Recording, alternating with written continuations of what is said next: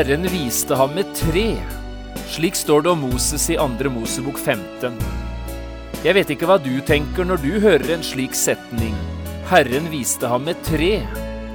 Nå skal du få høre hva jeg tenker. Jeg ser for meg ett tre, et meget spesielt tre, som finnes midt i denne verden, midt i Mara. Et korstre med en helt spesiell evne til å gjøre det bitre godt.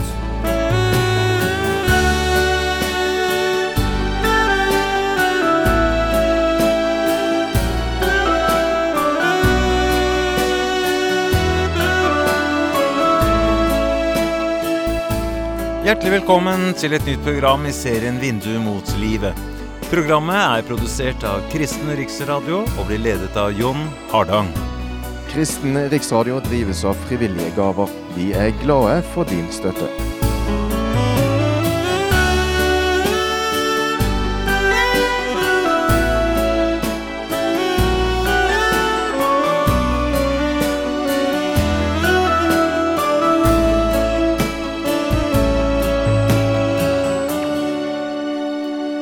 Vi skal også i dag fortsette denne bibelundervisningsserien som er kalt Fra trelldom til frihet. Utgangspunktet er å finne i Andre Mosebok, fra kapittel 12 til 19. Her får vi høre om israelittenes utgang fra Egypt, og om det som siden skjedde med dette folket, helt til de kom fram til fjellet Sinai. Vi skal i dag lese en spesiell historie fra Andre Mosebok, kapittel 15 og vi leser vers 22 til 27. Jeg har kalt dagens program Mara. Så lot Moses Israel bryte opp fra Rødehavet, og de dro ut i ørkenen Sur.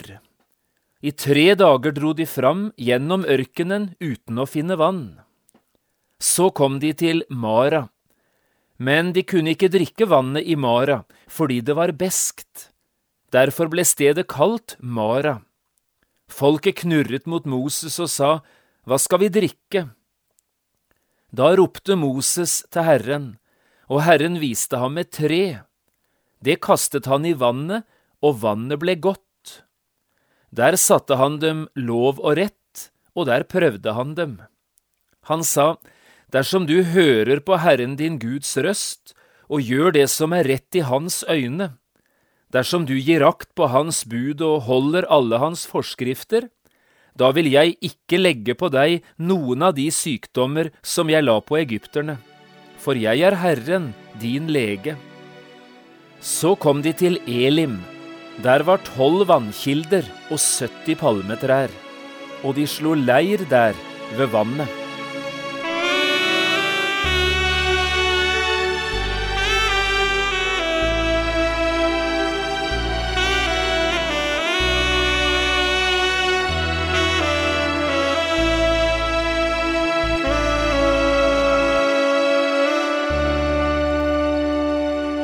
I 1886 ble det skrevet en sang i Sverige, som vi siden også har sunget mye her i Norge. I det første verset setter sangeren ord på sine tanker om Herren. Hvor underlig er du i alt hva du gjør, hvem kan dine veier forstå? Men ett er dog sikkert, den vei du meg før, for meg er den beste å gå. Slik lyder det første verset og i det andre er det som Gud svarer. Du vet deg, mitt barn, hva jeg gjør her på jord, men du skal få se det en gang. Urolige hjerte, hva sørger du for? Din prøvelsestid er ei lang. Jeg vet ikke om du kjenner denne sangen. Jeg trodde lenge at denne sangen var skrevet av en eldre, erfaren kristen. Hele teksten syns jeg vitner om det og overraskelsen min var ganske stor da jeg oppdaget at mannen som hadde skrevet denne sangen, hette Emil Gustavsson, og at han bare var 24 år gammel da han skrev. Det vakte min interesse. Jeg begynte å undersøke litt nærmere, og så dukket følgende livshistorie opp. Emil Gustavsson ble født i 1862, litt sør for Ørebro i Midt-Sverige og vokste opp i et kristent hjem. Barna i dette gudfryktige svenske hjemmet vokste opp i en atmosfære av bønn og bibellesning, og dette preget selvsagt også gutten Emil. Allerede som sjuåring ble han, etter det han selv forteller, en bevisst kristen. Og siden levde han som kristen hele sitt liv, selv om også han måtte gjennom en del små troskriser. Emil elsket også naturen, og når han tenkte på hva han skulle bli, var det naturlig å tenke på noe innenfor landbruket, kanskje agronom. Han begynte iallfall på landbruksskole som 18-åring, men trivdes ikke særlig godt i det tøffe miljøet som han der blei en del av. Karakterene var imidlertid bra, så det neste året fortsatte han landbruksutdanningen på en annen skole, og her fant han seg skikkelig godt til rette. Men ved juletider dette året, i 1881, ble Emil Gustavsson syk. Han hadde i flere år slitt med magesmerter, og nå slo dette til med en voldsom styrke. Han måtte avbryte skolegangen og kom etter dette aldri mer tilbake på noen skole. Like ille som selve sykdommen var nok for Emil Gustavsson følelsen av gudsforlatthet, en følelse som han lenge måtte slite med. Hvor var Gud hen oppi alt dette? Hvorfor tillot Gud at dette skulle skje? Og hvorfor grep han ikke inn og gjorde han frisk igjen? Men en dag møtte Emil Gustavsson en såkalt sterktroende forkynner. Han salvet og ba for Emil i samsvar med Jakobs brev og kapittel fem, og så ba han han innstendig om å tro at han nå virkelig var helbredet, og innrette seg etter det. Emil Gustavsson følte seg ikke sikker på det, men kastet allikevel sin forsiktighet over bord. Han kuttet ut lege og medisiner, og holdt nesten på å dø. Men for å gjøre en lang historie kort, han kom omsider til seg selv igjen og gjenopptok kontakten med sin lege, og så ble han etter hvert noe bedre. Men beskjeden han denne sommeren fikk, var ikke lystig. Emil, du kommer til å dø i løpet av et par år, og hvis du rekker å bli 25 år gammel, er du mer enn heldig. I denne tiden ble Emil Gustavsson en moden kristen, og et sterkt forkynnerkall vokste etter hvert fram i denne gutten. Guds plan var nok at den syke, unge svenske gutten skulle bli et vekkelsens redskap i sitt land. Og han fikk leve helt til han var 38 år gammel, helt på tvers av legenes prognoser og Emil Gustavsson skulle bli en av de mest betydningsfulle forkynnere i hele Sverige. Han var 24 år gammel da han ga ut sin første samling med sanger, og det er her vi finner den sangen vi siterte litt av fra begynnelsen. Hvor underlig er du i alt hva du gjør. Kanskje vi forstår litt bedre hva som ligger bak disse ordene i den sterke sangen han skrev, når vi kjenner Emil Gustavssons livshistorie og vet hva han måtte gjennomgå av prøvelser og av lidelse. Hvis vi skulle ha brukt ett ord fra den bibelteksten vi nå nettopp leste, for å finne tilknytning til det jeg nå har fortalt om Emil Gustavsson, ja, så måtte det være ordet mara, beskhet eller bitterhet, som dette ordet egentlig betyr. Mara og skulle vi knytte et annet uttrykk til, ja, så måtte det bli ordene fra vers 25. Der prøvde Gud dem. Mara var prøvelsens sted på ørkenvandringen. Og la oss nå prøve å tegne den situasjonen i ganske enkle streker som andre Mosebok 15 her løfter fram. De første tre versene vi leste, sier kanskje det meste så la oss lese dem høyt en gang til, uten noen flere kommentarer. Så lot Moses Israel bryte opp fra Rødehavet, og de dro ut i ørkenen sur. I tre dager dro de fram gjennom ørkenen uten å finne vann. Så kom de til Mara. Men de kunne ikke drikke vannet i Mara fordi det var beskt, Derfor ble stedet kalt Mara.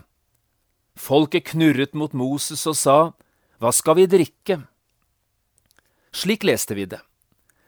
Tre dager i ørkenen uten å finne vann, uten mer vann enn det du har brakt med deg, det er et gedigent problem i seg selv. Og når de så endelig ser en oase i det fjerne og når fram til vannkilden, vel, så er den altså ikke til å drikke av.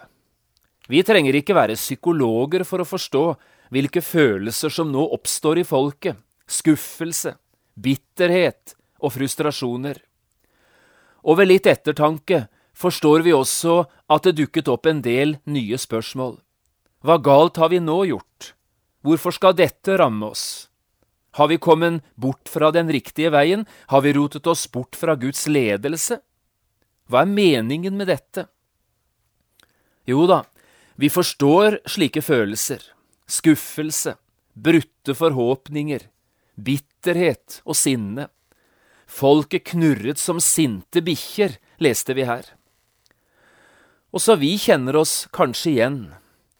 Vi har riktignok ikke vært ørkenvandrere, vi slik de var det.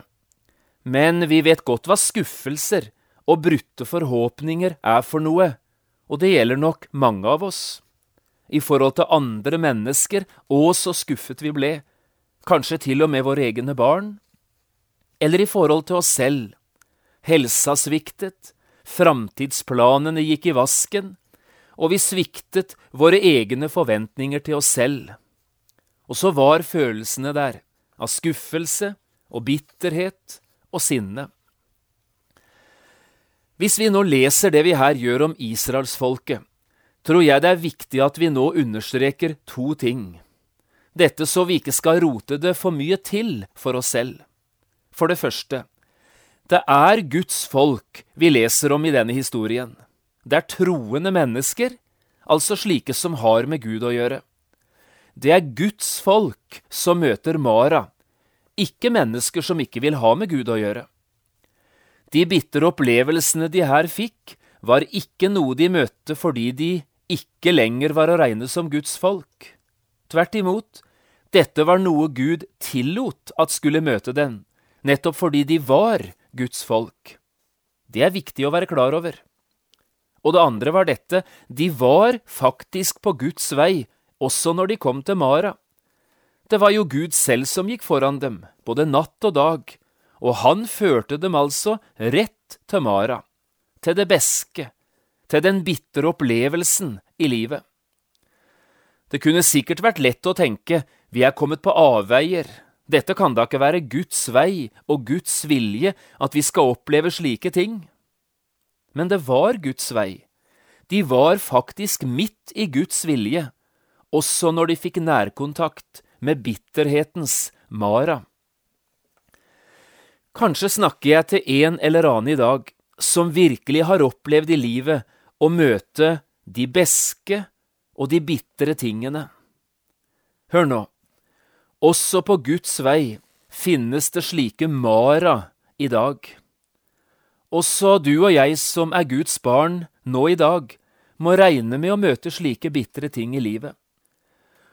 La meg nå få ta fram et par eksempler for deg fra Bibelen, som forteller at det ikke bare var Israel som møtte sitt Mara. Jeg tenker på kong Hishkia. Han var bare 39 år gammel da en livstruende sykdom rammet han, og den fromme kongen tok dette fryktelig tungt. I Jesaja 38 leser vi det slik. Da vendte Hishkia ansiktet mot veggen og ba til Herren, og Hishkia gråt høyt. Slik står det i vers to og i vers tre. Dette er Mara, beskhetens og bitterhetens Mara. Men så møter Gud kongen nettopp her i Mara, hører kongens bønn og legger 15 år til hans livslengde. Og så vitner kongen i en lovsang som han synger etter at han nå har kommet seg igjen fra sin sykdom. Og vet du hva han sier? Se, til fred ble meg det bitre, ja, det bitre. Slik synger kongen i Jesaja 38 og vers 17. En annen som opplevde sitt Mara, det var Noomi, denne flotte kvinnen fra Betlehem, som sammen med sin mann og to fine sønner måtte flykte østover til Moab, et naboland, på grunn av hungersnøden som rammet Betlehem. Og her i det fremmede landet i øst avløser den ene ulykken den andre i Noomis liv. Først dør mannen hennes, så dør begge sønnene. Den ene svigerdatteren blir igjen i Moab, mens den andre følger med tilbake til Betlehem når Noomi vil reise hjem igjen. Det var Ruth, og du kan lese denne historien i Ruths bok. Da Noomi kommer tilbake til Betlehem, i den forfatning hun nå er, blir det virkelig oppstyr i byen. Hun hadde reist i velstand, men kommer altså tilbake i ruin. Og Noomi sier, når folk i byen spør seg imellom er dette virkelig Noomi, da sa hun til dem, Kall meg ikke Noomi, kall meg Mara, for den allmektige har gjort det meget bittert for meg. Med fulle hender dro jeg bort, men med tomme hender har Herren latt meg vende tilbake. Og så kan du lese videre i dette kapitlet hvilke vanskelige tanker Noomi hadde å slite med. Men vet du hvordan denne historien ender? Den forteller om Ruth, Noomis svigerdatter, som møtte Boas. Disse to giftet seg, og senere er de å finne i Jesu egen stamtavle. Det som begynte bittert, det endte godt. Kong Hishkia så ikke Gud i Mara, og Noomi så ikke Gud der, hun heller. Er det da så rart at også du og jeg kan ha problemer med det samme? Når gudfryktige mennesker som disse to måtte streve i Mara med bitterheten, slik de måtte det. Men hvordan kom så Israels Gud sine barn til hjelp i dette bitre og beske Mara? Ja, det er ganske spesielt å lese. Hør nå hva det står om Moses i vers 25. Da ropte han til Herren, og Herren viste ham et tre. Det kastet han i vannet, og vannet ble godt. Merkelige ord. Det fantes altså et tre i Mara, og i møte med dette treet ble det bitre og beske vannet ikke bare drikkenes, det ble godt. Jeg vet ikke hva du tenker når du hører denne setningen Herren viste ham et tre. Nå skal du få høre hva jeg tenker. Også jeg ser for meg et tre, et meget spesielt tre, som finnes midt i denne verden, i vårt Mara. Fullt av beskhet og bitterhet, slik mange opplever menneskelivet. Her finnes det et tre med en egen evne til å gjøre det bitre godt. Vet du hvilket tre jeg tenker på? Jeg tenker på korsets tre. I 1. Peter 2,24 leser vi om Jesus.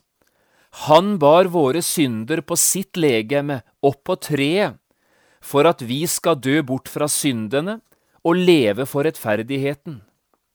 Treet er Jesu Kristi kors. Og la meg nå til slutt i dag prøve å vise deg på hvilke måter Jesu Kristi kors kan gjøre det bitre godt igjen, også for deg og meg i dag. Jeg skal nevne tre konkrete ting. For det første, det ble en dag bittert for Jesus. Det var dagen da han selv hang spikret fast til det midterste treet og måtte drikke lidelsens bitre kalk. Men når det på denne måten ble bittert for Jesus, så var det for at det skulle bli godt for oss, for slike som deg og meg. Straffen, smertene, dommen til døden, alt det Jesus måtte igjennom, det var det jo du og jeg som egentlig hadde fortjent. Hadde Gud gitt deg og meg den behandlingen vi fortjente, ja, da var det vi som i all evighet skulle ha blitt værende i et evig Mara, i den evige død men nå smakte Jesus Mara for at du og jeg skulle få slippe det. For det andre, mange mennesker opplever syndelivet, eller livet borte fra Gud, som både bittert og beskt. Men en dag skjer det. De møter en frelser, full av nåde, rik på tilgivelse. Og ved korsets fot hos Jesus ble disse menneskene løst og frelst fra sin tunge syndebyrde. I stedet for et bittert Mara ble det et nytt og godt liv, et liv i lyset. For disse menneskene går kong Hishkias ord bokstavelig talt i oppfyllelse. Se, til fred ble meg det bitre, ja, det bitre. I kjærlighet dro du min sjel ut fra ødeleggelsens grav, for du kastet alle mine synder bak din rygg. Synden ble tatt bort fra Guds ansikt, dermed var synderen frelst, og det bitre var blitt godt. Og så det tredje. Også for den som lider, i sykdom og smerte eller med mange forskjellige slags vanskeligheter, er det hjelp å få her under Jesu Kristi kors. For oppe på dette treet henger en person, den person i tilværelsen som hardere enn noen andre ble rammet av lidelse og smerte. Når Herren får vise den lidende i dag dette treet, ja, da kan det bitre bli godt også nå. Hva forteller treet om lidelse? Lidelsen og døden fikk ikke siste ordet i Jesu liv. Slik vil det også være for den som tror på Jesus. Det ender i det som er godt. Gud hadde kraft og styrke nok til han som led på korsets tre. Skulle det ikke da være kraft nok å hente også for slike som deg og meg? Og Gud kan få noe godt av det som bare er bittert og beskt. Det ser jeg på Golgata. Det bitre ble godt. Men dermed er Gud også i stand til å få noe godt ut av det som også jeg strever med. Jeg vet ikke hva som er ditt konkrete behov i dag, men én ting vet jeg, uansett hva du strever med, under korset kan det bitre bli godt også for deg. Jeg startet dette programmet med å fortelle litt om Emil Gustavsson, og hvordan det bitre ble godt også i hans liv. Hør nå hvordan han avslutter den sangen han skrev, mens han enda befant seg i det kanskje mest beske området i hele sitt liv. Her er det sannelig ikke mye bitterhet å spore. Jeg venter tålmodig, tilfreds med mitt lodd, til en gang hvert hvorfor forsvar en arv uten like hos Gud jeg har fått, det herlige håpet jeg har. Tenk at slike toner kan bli født i et beskt og bittert Mara.